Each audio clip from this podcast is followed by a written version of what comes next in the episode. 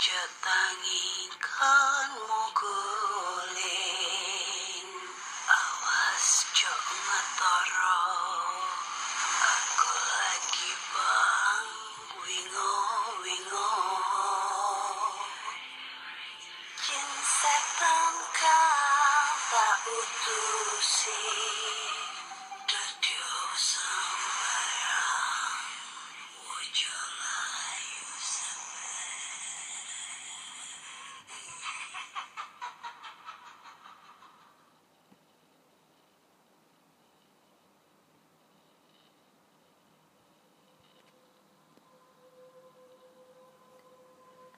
Assalamualaikum warahmatullahi wabarakatuh. Selamat datang di podcast kisah horor.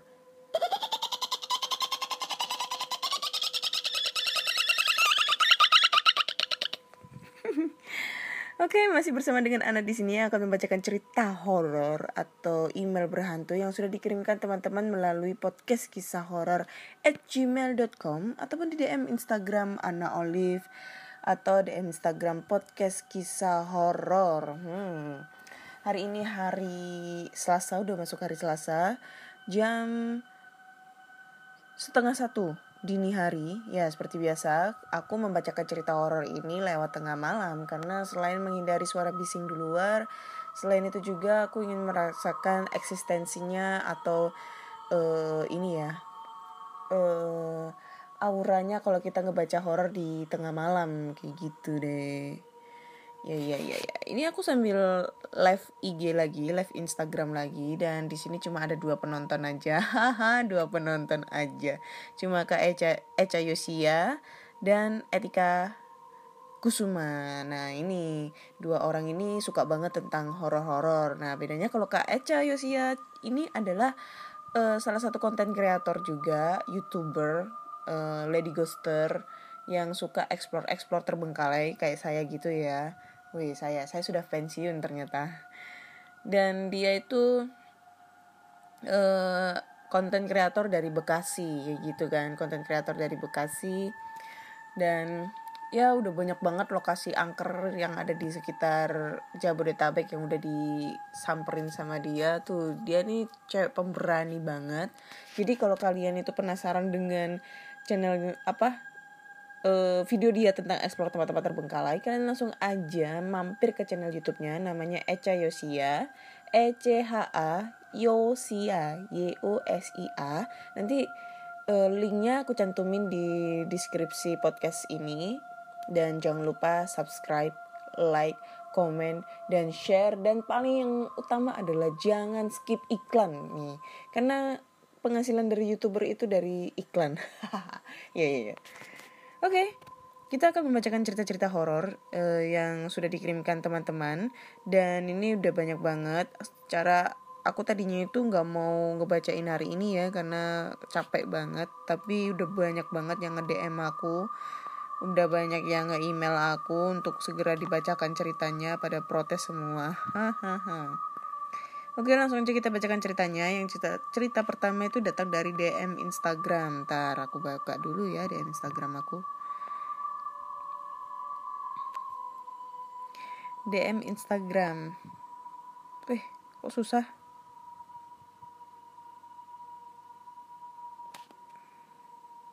Nih repot ya. Karena aku pakai satu HP nih. Oke Ini bisa nggak ya? Oh sebentar ya guys. Ah ini dia udah bisa. Yang pertama kita bacakan dari DM Instagram. Loh mana DM-nya Udah dihapus ya sama dia ya?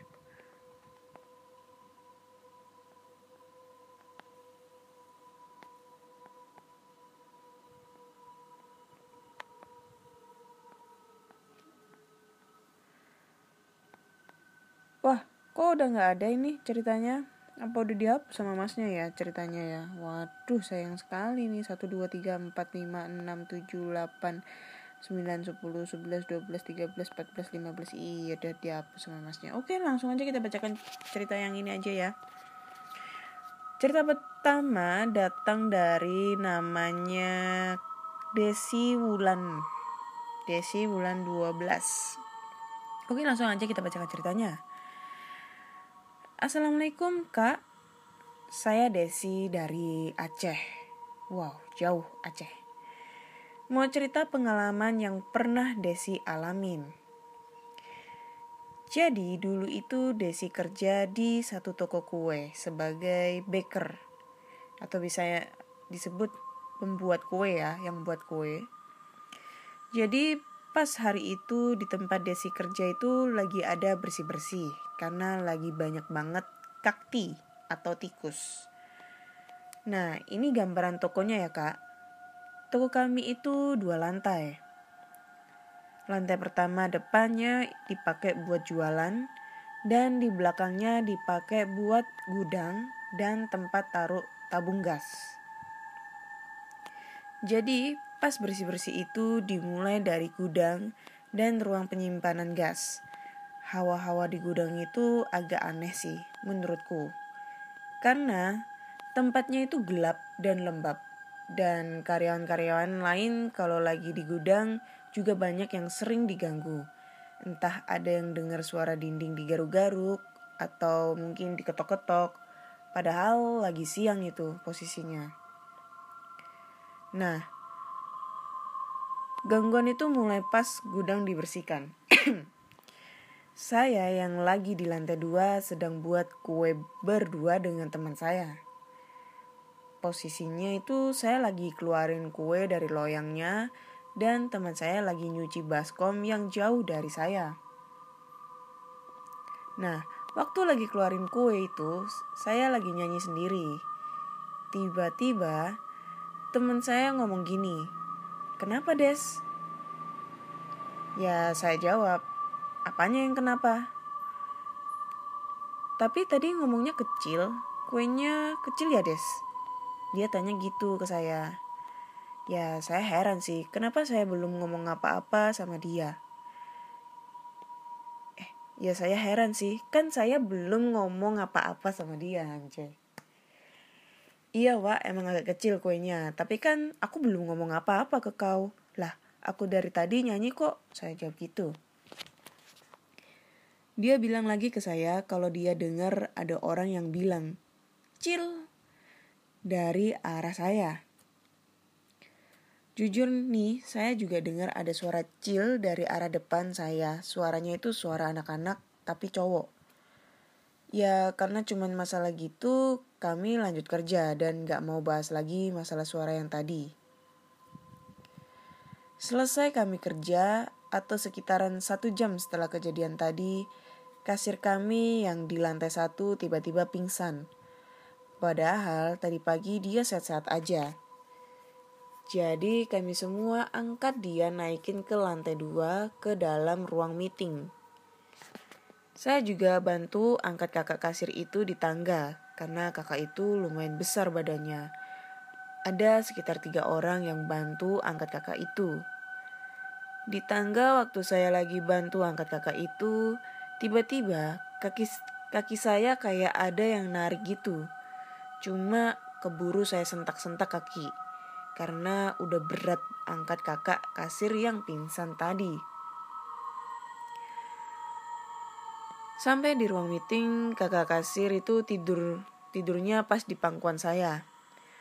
Kawan-kawan yang lain pada sibuk kusuk kakak itu, ada yang sibuk kasih minyak putih. Pokoknya semua karyawan pada ngumpul deh di situ. Gak lama kakak itu sadar tapi masih linglung gitu dan gak lama dia nangis-nangis gitu deh. Karena dia nangis-nangis, saya langsung peluk dia karena kan saya paling dekat posisinya dengan kakak itu. Nah, saya gak sadar lagi abis peluk kakak kasir itu. Saya sadar pas saya udah di rumah. Kata kawan kerja saya, saya juga ikutan nangis. Siap peluk kakak kasir itu, tapi saya nangisnya kayak anak kecil. Hmm, kesurupan. Kawan saya bilang kakak kasir itu kesurupan perempuan Cina. Dan yang masuk ke saya itu sosok anak-anak cowok yang umurnya sekitar lima tahun.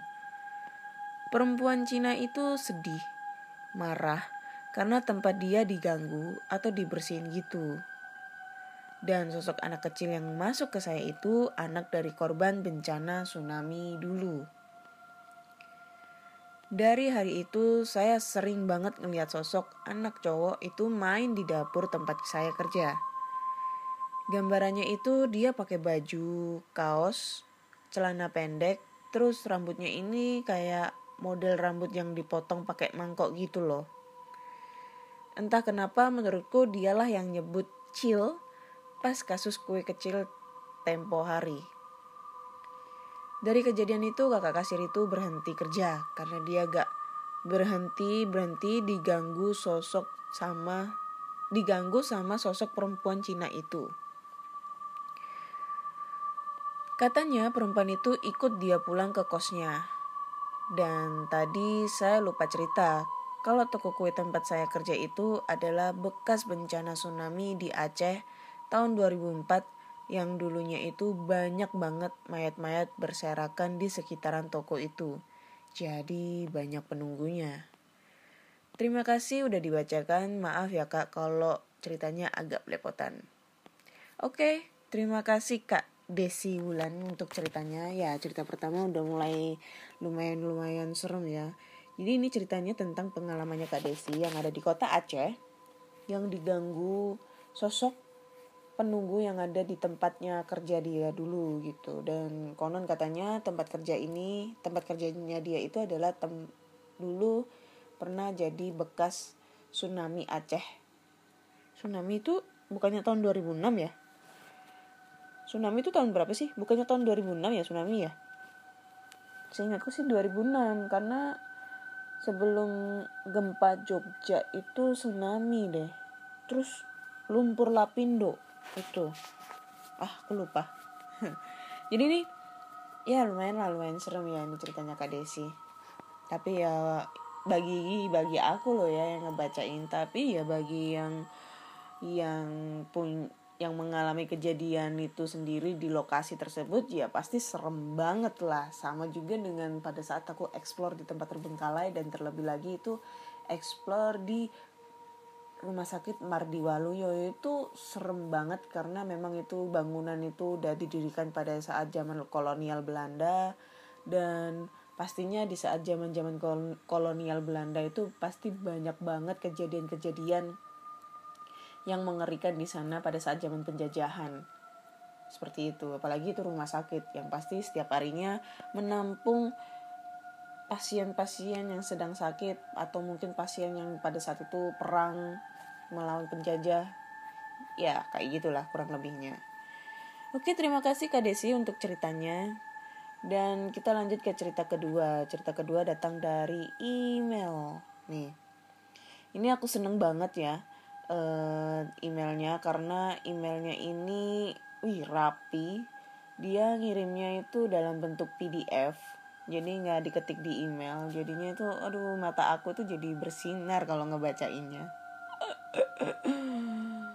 Oke langsung aja kita bacakan ceritanya. Ini ceritanya datang dari Mas Nur Salim. Judulnya adalah hantu gunung Kalsel Kalimantan Selatan. Assalamualaikum warahmatullahi wabarakatuh. Waalaikumsalam warahmatullahi wabarakatuh Halo Mbak Ana, perkenalkan nama saya Nur Salim.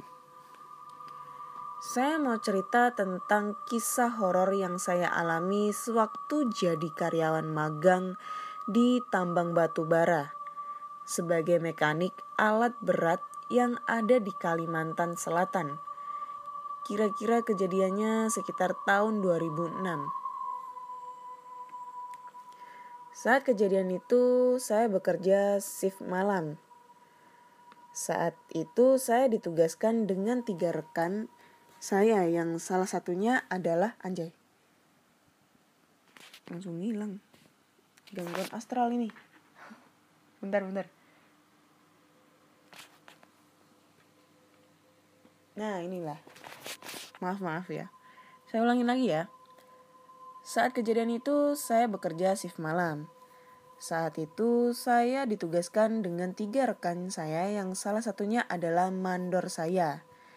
Saat itu untuk memperbaiki satu unit dozer Komatsu, bulldozer ya maksudnya, yang sedang rusak di dekat sebuah gunung. Dan jarak gunung tersebut dengan kantor atau workshop kami lumayan jauh. Jadi harus menggunakan mobil. Saya jelaskan sedikit tentang gunung tersebut. Gunung itu adalah sebuah gunung kecil yang tidak terjamah oleh aktivitas tambang dan ditubuh, ditumbuhi banyak pohon. Dan yang saya tahu, kalau ada gunung seperti itu di areal tambang, harusnya sudah rata dengan tanah. Di situ saya agak sedikit bertanya-tanya sama teman-teman saya. Dan infonya sih, karena ada sisi mistisnya, makanya gunung tersebut tidak ditambang atau diratakan. Oke, kembali ke ceritanya. Berangkatlah saya dengan tiga rekan saya. Saat itu yang nyetir mobil adalah mandor saya. Dan saya duduk di kursi depan dan dua teman saya duduk di kursi belakang. Mobil kami double cabin.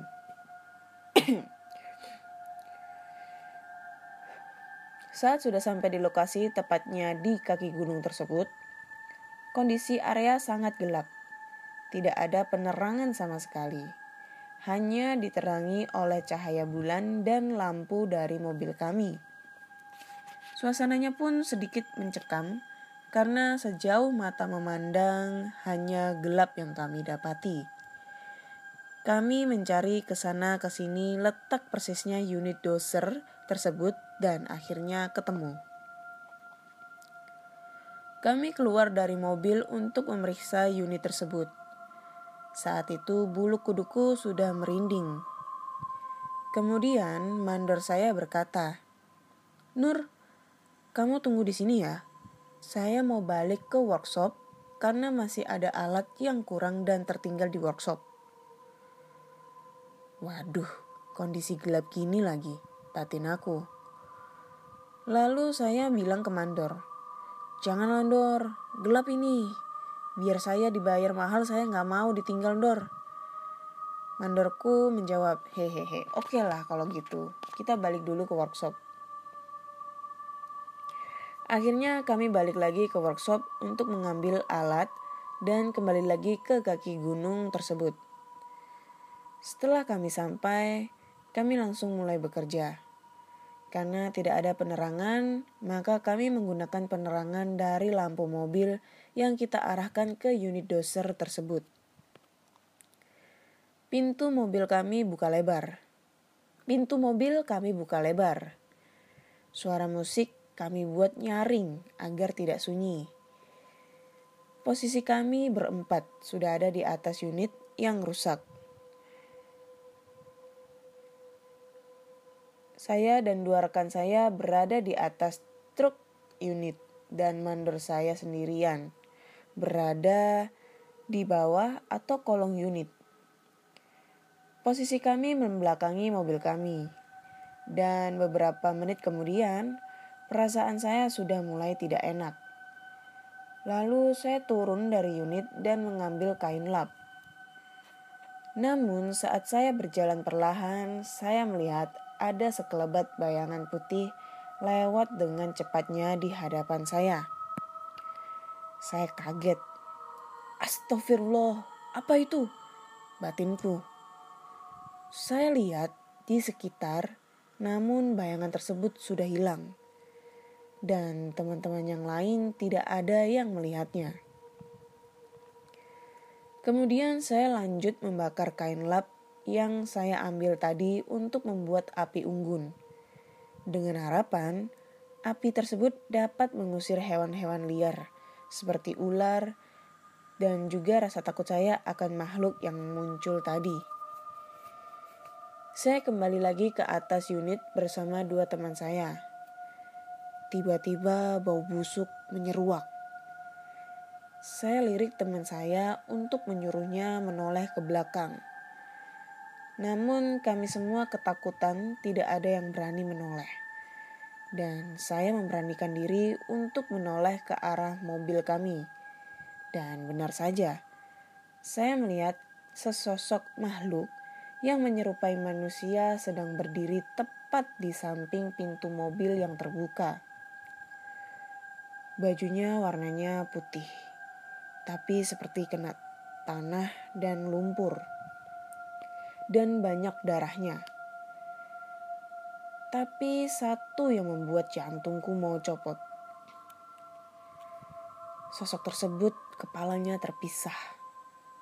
Tubuh di samping mobil, kepalanya ada di kap mobil. Astagfirullahalazim. Buru-buru saya membalikan pandangan saya dan menutup mata saya. Kedua tem teman saya berbisik. Ada apa Nur? Gak apa-apa, ucap aku. Mandor saya yang sedari tadi ada di kolong unit menyuruh kami diam. Hus, diam kalian. Kaminya terdiam saja selama setengah jam.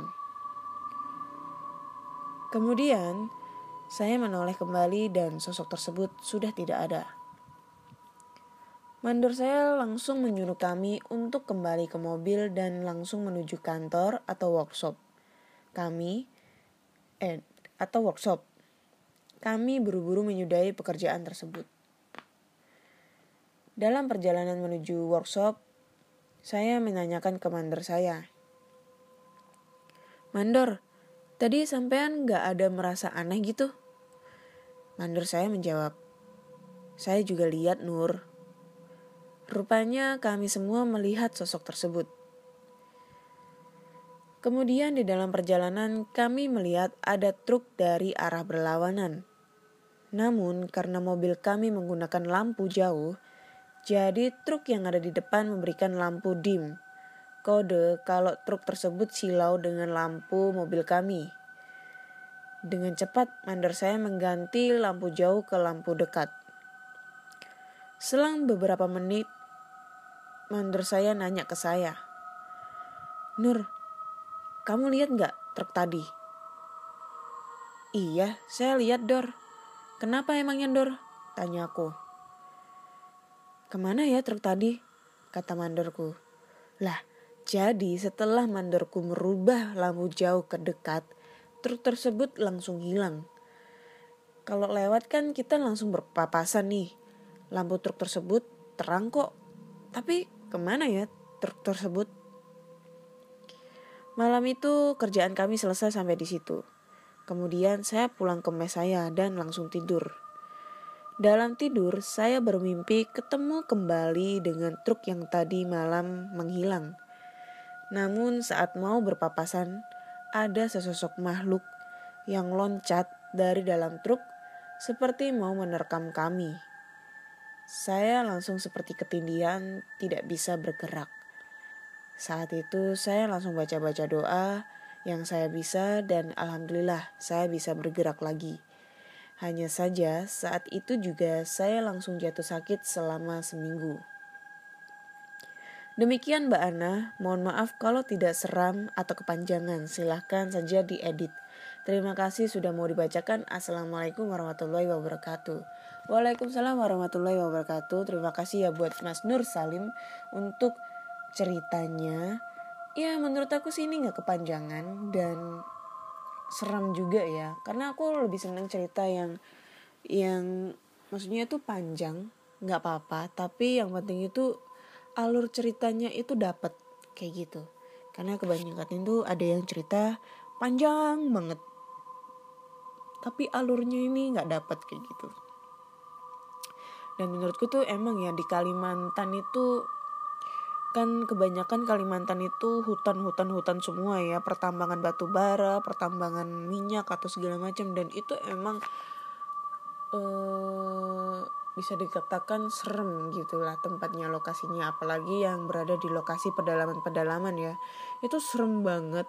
Karena selain jarang ada penduduk di sana juga kerawan akan binatang buas dan lokasinya itu sunyi hutan-hutan tok dan ya kalau malam itu bisa kalian rasakan esensinya untuk aura-aura negatifnya atau aura-aura horornya kayak gimana.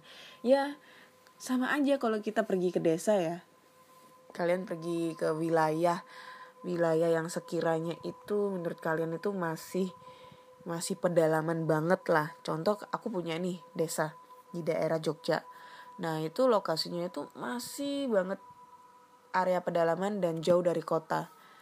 Dan kalau udah jam 7 malam itu udah lokasinya tuh sepi dan gelap. Itu kerasa banget.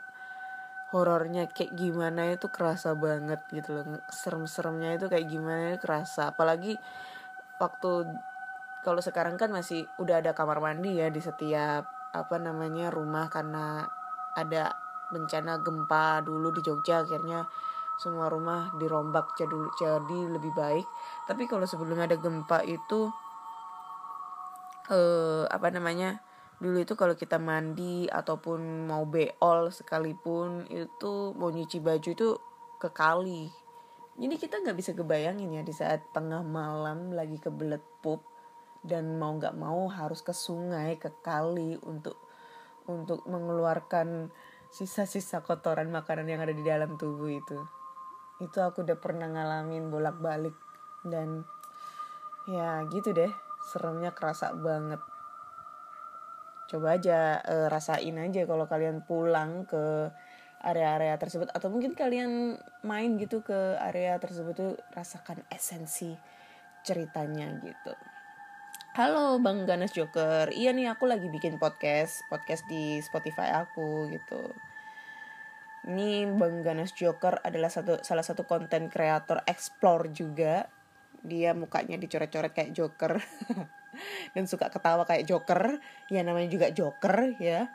Dan dia ini eh, idola para ciwi-ciwi. Ciwi-ciwi masa kini Wih mantap. Ciwi-ciwi masa kini. Dan kontennya itu serem-serem juga sih ya. Lebih sereman Bang Joker dibandingkan aku bikin konten ya. Kalian bisa langsung aja mampir ke channel YouTube-nya Joker Ganas yang ada di YouTube. Jangan lupa subscribe like comment dan share. Mantap. Oke kita lanjut ke cerita terakhir ya. Cerita ketiga. Cerita terakhir cerita ketiga nih ya kita langsung aja bacakan ceritanya. Nah, ini. Nih, judulnya adalah Hantu Perawat.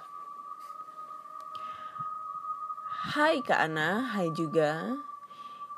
Ini aku Rahel yang akan bercerita. Kejadian ini dialami oleh salah satu perawat laki-laki yang mendapat giliran tugas jaga malam di Rumah Sakit Umum daerah Semarang daerah Semarang, rumah sakit mana?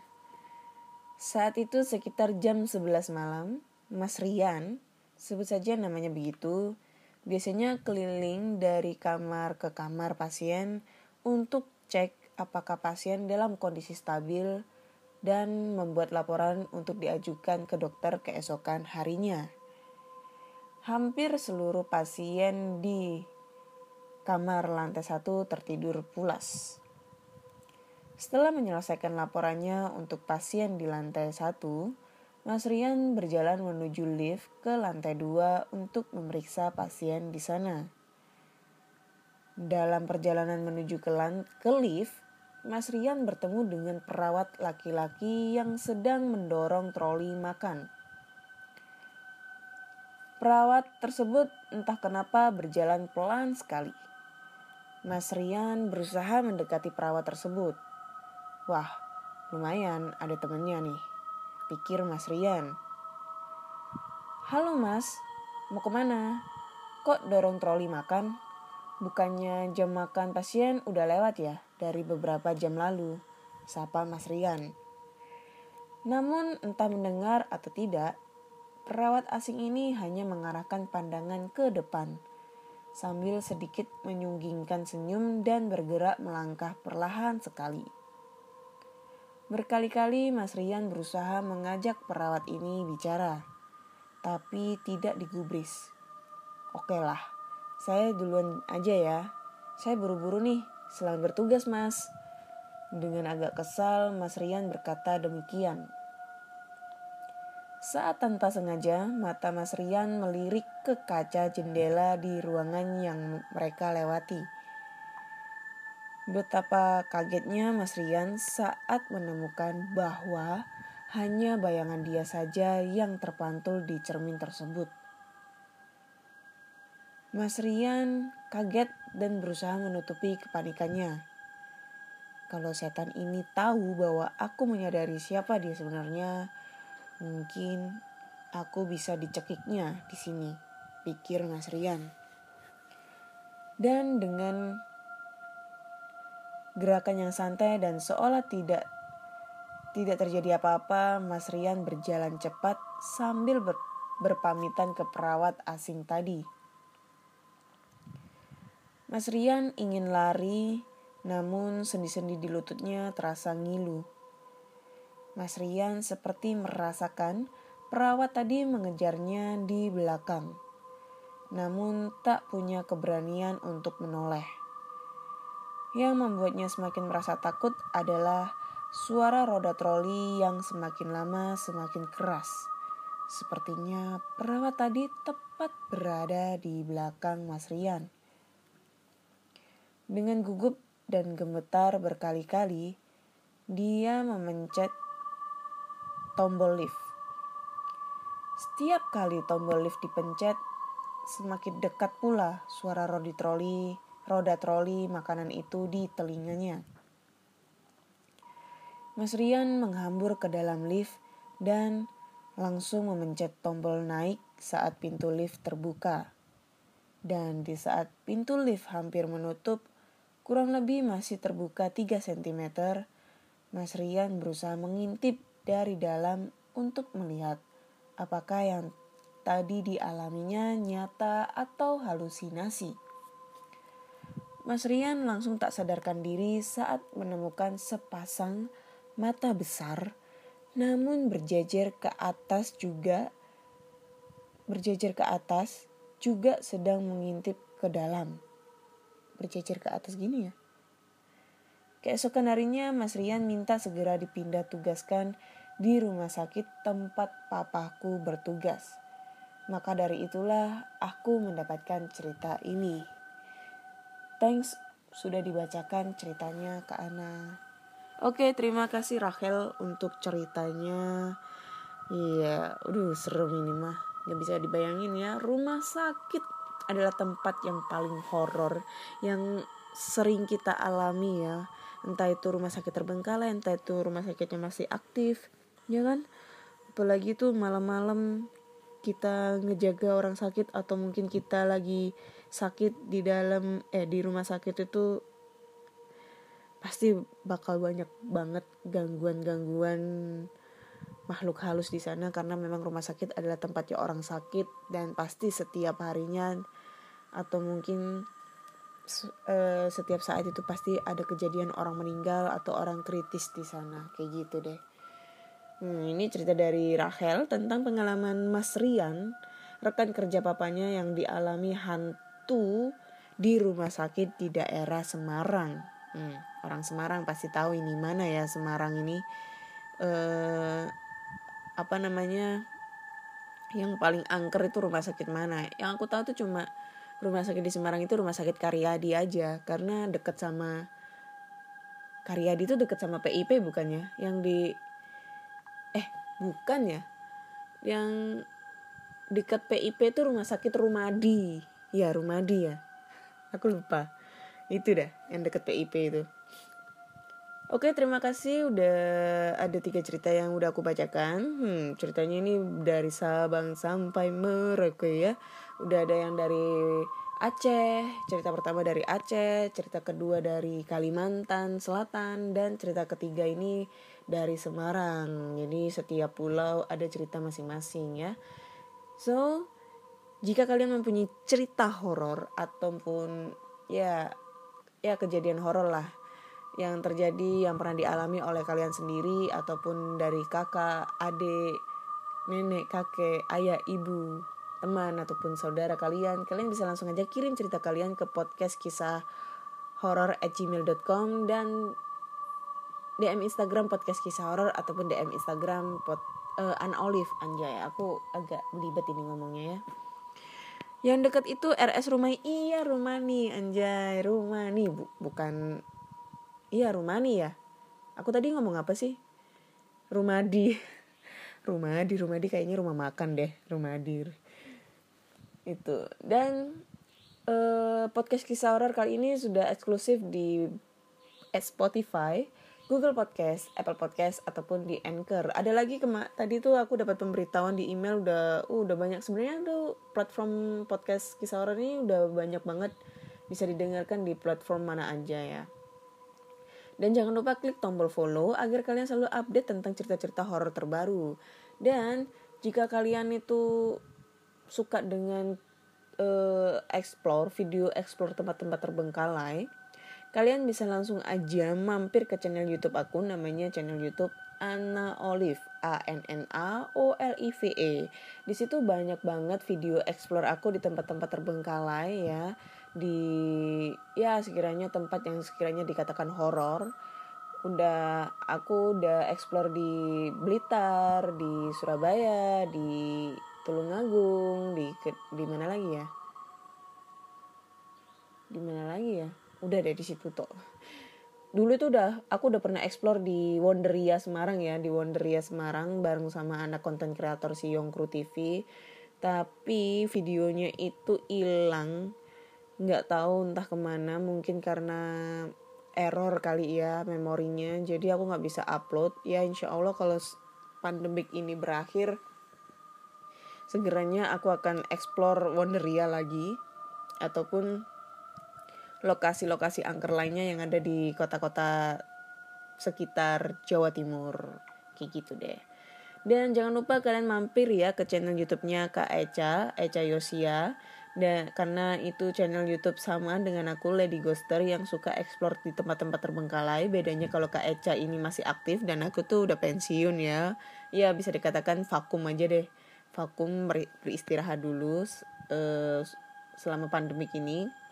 Jangan lupa di subscribe, like, comment, dan share. Wih, mantap kan ya. Oke. Oke, terima kasih sudah mendengarkan podcast kisah horor kali ini di episode ke-35.